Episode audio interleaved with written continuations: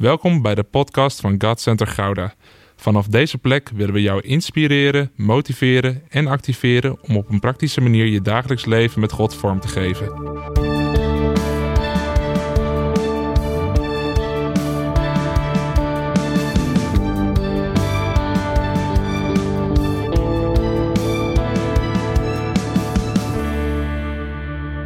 Hey, wat tof dat jij weer verbonden bent. Welkom of welkom terug bij de podcast van God Center Gouda. En dit is een plek waar we je willen toerusten vanuit het woord en de praktijk van het leven.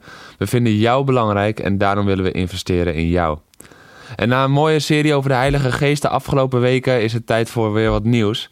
En het is eigenlijk een hele korte miniserie van twee keer. Daarna zullen verschillende sprekers je blijven inspireren door deze zomer heen. Ik geloof dat we vandaag een onderwerp behandelen en dat als je dat echt laat binnenkomen, dat het je hele leefstijl kan veranderen. En het gaat je helpen om helderheid te krijgen waar je dat nog mist in je denken. Het gaat ervoor zorgen dat je orde kan scheppen in de chaos als die in je situatie is. En het gaat je inspireren om dit ook weer aan anderen te leren, zodat zij ook de vruchten ervan kunnen pakken in hun leven. Vandaag gaan we het hebben over focus. Focus is datgene dat uiteindelijk bepaalt of je je doel haalt. Focus bepaalt of je door de storm heen komt in je leven of dat je erin blijft hangen. Focus bepaalt ten diepste zelfs hoeveel God in je leven kan doen. Niet omdat Hij groter wordt, maar omdat wij ontvankelijker worden voor wat Hij wil doen. En we zijn niet zo heel erg goed in focussen. We zijn overprikkeld. En dat zorgt ervoor dat we het moeilijk vinden om onze focus vast te leggen op één ding. Om ons heen gebeuren 24-7 van allemaal dingen. Continu, alles is in beweging. Je moet continu een scherm aan hebben. Je moet bereikbaar zijn. Elk moment van de dag. Je moet overal van weten. En we moeten zoveel mogelijk mensen hun leven ook nog eens proberen te volgen. En we zijn vergeten hoe we ons moeten focussen, moeten inzoomen in ons leven en uitzoomen in ons leven. We hebben in de chaos soms geen idee hoe we orde moeten scheppen. We bidden en proberen structuur aan te brengen om de chaos weg te werken, zodat we weer rust en vrede gaan ervaren in ons leven, maar we vergeten de juiste prioriteiten aandacht te geven. En vandaag gaan we zien dat orde in de chaos scheppen niet altijd te maken heeft met het ordenen van de chaos, maar met het ordenen van jou en mijn focus. Je kan dingen weer op orde brengen door de juiste focus te hebben. Het betekent niet altijd dat de chaos in één keer weg is, maar het betekent dat het voor jou buiten beeld raakt. En daar wil ik even voor verder gaan, want wat je ziet, daar kan je niet altijd iets aan doen. Maar waar je focus op ligt, dat heb je in je eigen hand. Daarnaast is het goed om sommige prikkels te blokken op momenten, omdat je dan je focus beter kan behouden. En het eerste wat je doet, s ochtends, wat is dat als je wakker wordt? Waar gaat je focus dan naartoe? Is het het checken van wat anderen leuk vonden op Facebook of Instagram? Is het nu.nl op de NOS om te kijken wat er wereldwijd vannacht allemaal is gebeurd? Of is het dat spelletje waar je verslaafd aan bent geraakt en dat wil je nog niet toegeven, maar ja, het eerste wat je doet ochtends is toch dat spelletje? Er zijn zoveel dingen die onze focus trekken, vragen en claimen. En we kunnen ons maar één ding tegelijk goed focussen. Het is niet voor niets dat je bijvoorbeeld tegenwoordig handsfree moet bellen. Op het moment dat je twee dingen tegelijk doet en je richt je op twee dingen tegelijk, dan lijden beide eronder. En op het moment dat je naar je telefoon kijkt, kijk je niet naar de weg.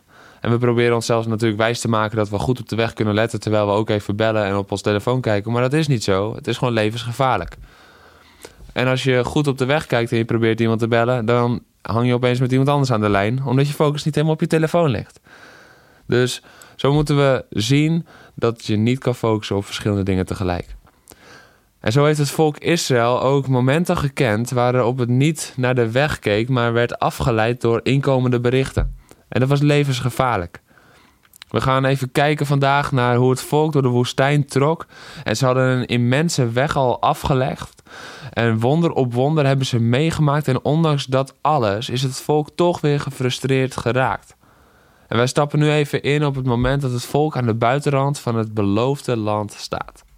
Na tijden door de woestijn te hebben getrokken, staat het volk daar. Aan de rand van het land dat God hen heeft beloofd. Dit is het moment waar het hele volk al die tijd op heeft gewacht. Eindelijk. Nu kunnen we het land in bezit nemen dat ons beloofd is.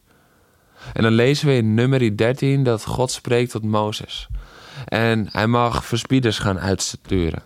En die gaan door het land heen. Ze gaan kijken, oké, welke vruchten zijn er? Is het inderdaad wat God beloofd heeft? En dan op het gegeven moment komen ze terug. En als ze dan terugkomen, dan zijn er van de twaalf zijn het er tien die zich hebben gefocust en hebben gericht op die grote inwoners. Twee die kijken naar de vruchten die God heeft beloofd en ze hebben ze gezien en ze zijn er vol van. Maar die andere tien, die hebben een andere focus. En wanneer je het spreekt over het verkennen van het land, het verkennen, dan heb je het over onderzoeken, rondkijken om te weten hoe iets is. Dus God stuurde hier niemand op pad om te kijken naar de mogelijkheden, om te checken of ze een oorlog zouden kunnen winnen, of om samen te bepalen hoe ze het land binnen zouden vallen. Hij gaf ze een voorschot op de belofte. Ze mochten van dichtbij zien hoe de belofte eruit zag. Met hun eigen ogen zien dat het beloofde land echt was en echt aan hun voeten lag. Maar hun focus zal nu hun toekomst gaan bepalen. Want twaalf mannen worden uitgezonden. Ze hebben de opdracht gekregen van Mozes. En ze moesten vooral letten. In vers 17 tot en met 20 lezen we dat ze moesten vooral letten op de vruchten die God had beloofd. En als ze onderweg zijn, dan zien we dat ze vooral ergens anders naar kijken. En het eerste punt dat ik wil behandelen vandaag is je focus bepaalt je richting. Dus even voor de helderheid. God heeft dit volk door tien plagen bevrijd van de farao. Door de zee baant de Heer een pad voor ze. Ze gaan droog over. Ze ontsnappen aan de achtervolging van de Egyptenaren en degene die hen gevangen hielden in slavernij. En ze zien ze achter zich sterven. Iedere dag regent het mannen uit de hemel. Doe je ogen eens dicht en ga even mee op dit avontuur met God. Zie het al brood regenen, overwinning op overwinning zie je behaald worden. Er komt water uit de rotsen en de wolk van Gods heerlijkheid is in hun midden. Er gaat voor hen uit overdag en als een vuurkolom s'nachts. Hoe konden ze nou zo ongelovig zijn? Die vraag die voel je bijna opkomen als je het er zo over hebt. Maar God heeft jou met Jezus bloed vrijgekocht, waardoor je van slaaf naar kind van God bent gegaan.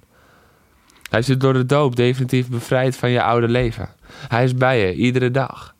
Hij heeft naar je omgezien in de moeilijke situaties de afgelopen jaren. Hij heeft een wonder gedaan in je leven toen je hem zo hard nodig had. Hij heeft zijn Heilige Geest gegeven en daarmee is hij in jou komen wonen. En ook jij zit aan de rand van het beloofde land. Wat is jouw focus?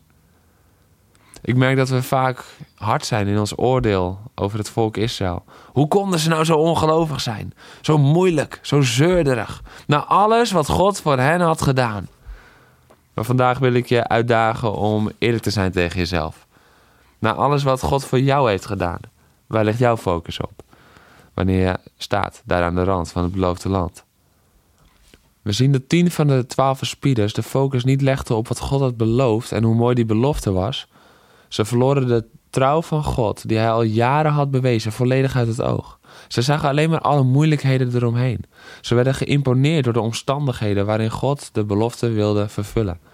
Hun aandacht werd weggetrokken van de vruchten en verschoof naar de obstakels. En zonder dat ze daar zelf bewust voor kozen, verschoof de aandacht van overwinning naar angst. En weet je wat zo interessant is? Ze droegen die, die vruchten zelf mee terug naar het volk vijgen, druiven, granaatappels. En als we dan kijken naar de betekenis van die vruchten, dan lag daar alles in wat ze nodig hadden. Want vijgen staat in de Bijbel voor genezing, druiven voor genade, granaatappels voor oprijzen. Dit was een volledige overvloed wat God ze gaf. En ze droegen het met zich mee, maar de focus lag er niet op. En we zien dat de gevolgen van die focus van tien verspieders ervoor zorgden dat het hele volk in tranen uitbarstte. Het huilen begint, de tranen vloeien en de hele nacht hoorde je het gejammer. Wat een tafereel. De angst, de wanhoop en het ongeloof in één klap was het geëxplodeerd. Er was niets meer over van het vertrouwen in God na alles wat hij had gedaan. En uiteindelijk trekt het volk zich terug de woestijn in. Jouw focus bepaalt je richting. En vandaag wil God tegen je zeggen: verleg je focus. Verleg het terug naar mij. Want ik ben het antwoord in elke nood. Ik ben degene die je nodig hebt. Mijn arm is om jou heen. Ik ben daar voor jou. En je mag weer leren opnieuw om omhoog te kijken als het zo stormt om je heen. Om omhoog te kijken als de situatie zo penibel is. Leer weer omhoog te kijken. Want jouw focus bepaalt je richting. En mijn doel voor jou is niet om in de woestijn te blijven, zegt God. Maar mijn doel voor jou is om je te brengen in dat beloofde land. En ja, dan kom je reuzen tegen. Maar met mij, met je focus op mij, kun jij die reuzen aan. En het tweede punt is, waar jij op focust, wordt groter. En laten we even inzoomen op dat verslag van de verspieders, wat ze doen als ze terugkeren. Het is namelijk heel interessant wat hier gebeurt. Want let op, de verspieders hebben geen confrontatie gehad. Ze hebben alleen rondgekeken in het land. Er is niets vijandigs gebeurd. Gewoon gecheckt hoe het land erbij lag. En het was de bedoeling dat ze vooral op die vruchten zouden letten. Maar dat blijkt niet uit hun verslag. In vers 32 en 33 gaan de verspieders los. Het wordt niks, dit is onmogelijk. Dit kunnen wij helemaal niet. Waren we maar in Egypte gebleven, wat doen we hier? Moeten wij hier dan sterven? Die mannen zijn reuzen. En in hun ogen zijn wij maar nietige sprinkhanen. Weet je, waren we maar in Egypte gestorven. Dat was beter geweest dan dit. We gaan dood. Dit is het verslag wat de mannen brengen. We zijn nietige sprinkhanen in hun ogen. Ik weet niet of jij wel eens uh, je hebt verdiept in wat een verspieder doet. Maar een verspieder die blijft onder de radar. Een verspieder die wil niet gezien worden. Want dan is het geen verspieder meer. Dan is het gewoon een rondleiding. Dus zij waren helemaal niet gezien door het volk daar. Maar zij plakken wel al op hun. In hun ogen zijn we als nietige sprinkhanen. Maar dat was niet de conclusie van de woorden van de inwoners van dat land. Dat was de conclusie van de focus van hun eigen hart. En hoe vaak is dat niet in ons eigen leven zo? Dat we zelf gaan invullen en daarop focussen wat anderen wel niet van ons zouden kunnen denken. Of hoe anderen naar ons zouden kijken. Of wat anderen zouden doen in een situatie. Of wat ze zouden vinden van de situatie. En wij plakken het erop. Wij focussen ons daarop. En eigenlijk leven we dan in een stukje leugen. Maar er waren ook nog twee andere verspieders. Jozua en Caleb. En hun reactie lezen we in nummer 14 van vers 8 tot en met 10. En bam, daar is de focus weer. Deze mannen staan op en ze hebben zo'n andere focus als die tien andere gasten. Deze mannen die kijken niet naar de afleidende elementen. Die kijken niet naar de grootheid van het andere volk. Maar die zeggen, maar jongens, de belofte staat. God is trouw. Dit kan niet fout gaan. hey, ze zijn misschien groot, maar zij hebben God niet aan hun zijde. Wij hebben God. Zij focussen zich op God. En wat is het effect? Dat God voor hen veel groter is dan de reuzen en de muren die ze hadden. Ze waren niet bezig met de hoe dan vraag. Zij waren bezig met de wie dan vraag. En dit is een les die we mogen leren van deze twee geloofshelden. Op het moment dat wij hoe dan denken en die vraag stellen, dan zijn we bezig met de dingen die overwonnen moeten worden. Maar op het moment dat we ons gaan richten op de wie dan vraag, dan kijken we naar wie dat voor ons gaat doen. We zijn niet langer aan het kijken naar de onmogelijkheden van onze omstandigheden, maar gericht op degene die het onmogelijke mogelijk maakt. En ik zeg je alvast, als jij in je leven je steeds richt op de problemen die je hebt, dan groeien ze. Maar als jij je gaat richten op God, die in het midden van jouw problemen is, dan groeit zijn aanwezigheid. Vergelijk het gewoon even met een vergrootglas. Als je een vergrootglas hebt en je kijkt daar doorheen, dan datgene waar jij je op richt, dat wordt groter voor jou. En zo is het ook met je problemen. Je maakt ze groter als je je daarop richt. Terwijl wanneer we ons vergrootglas richten op God, dan zoomen we in op Zijn aanwezigheid. Kan Hij rust geven, vrede geven. Want waar jij je op focust, wordt groter. En dat brengt me bij het derde en laatste punt van vandaag. Want jouw focus zorgt ervoor dat je andere dingen niet meer ziet. Is je wel eens opgevallen dat als je door een vergrootglas moet kijken, dat je je andere oog dichtknijpt? Dat je niet meer kijkt naar de dingen eromheen, maar dat je dat dichtknijpt, zodat je goed erdoor kan kijken. Of misschien ben je meer van de verrekijker, dat je wel eens uh, het leuk vindt om in de bergen verre, uh, met de verrekijker lekker te kijken of vogels te spotten. Wat je dan doet is, door de verrekijker focus je op één punt. En alles eromheen zie je niet meer. En zo werkt het ook met jouw focus. Het is niet meer dat het er niet meer is, maar jouw ankerpunt ligt in waar jij naar kijkt. En dat vind ik dus ook zo mooi. Daar had ik het net ook over in het begin met orde scheppen in je chaos. Dat betekent niet dat altijd de chaos weggewerkt is, maar het stellen van de juiste focus. Want als je goed gaat kijken, door je verrekijker, door je vergrootglas heen, dan kan er nog steeds chaos om je heen zijn, maar dan kan je je richten op dat rustpunt. En dat is wat we nodig hebben in ons geestelijk leven. We moeten een vergrootglas gebruiken, zodat we God van dichtbij zien, waardoor ons geloof groeit. We hebben een verrekijker nodig om alle onzin uit ons leven te filteren.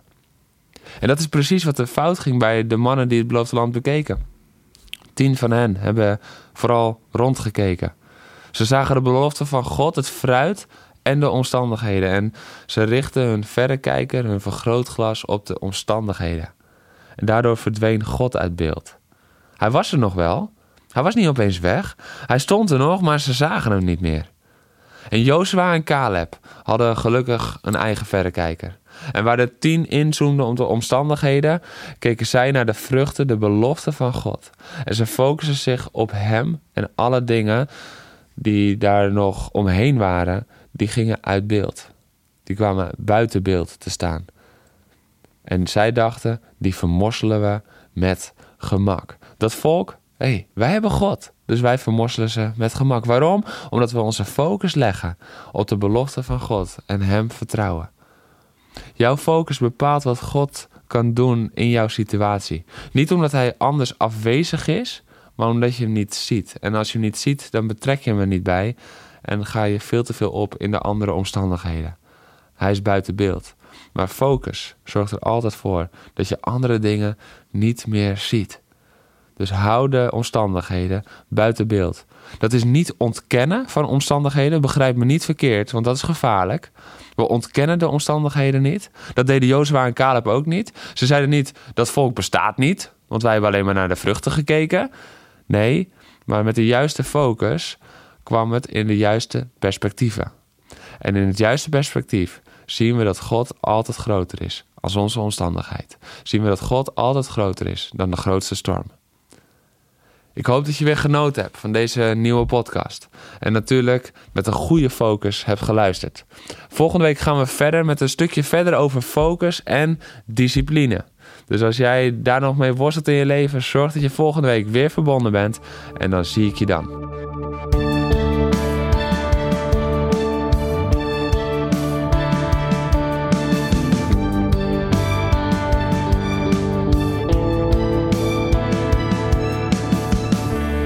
Bedankt voor het luisteren naar deze podcast. Volg ons op onze kanalen om verbonden te blijven. Heeft deze aflevering jou geraakt? Deel dan op je socials en tag ons, zodat we samen meer mensen kunnen bereiken.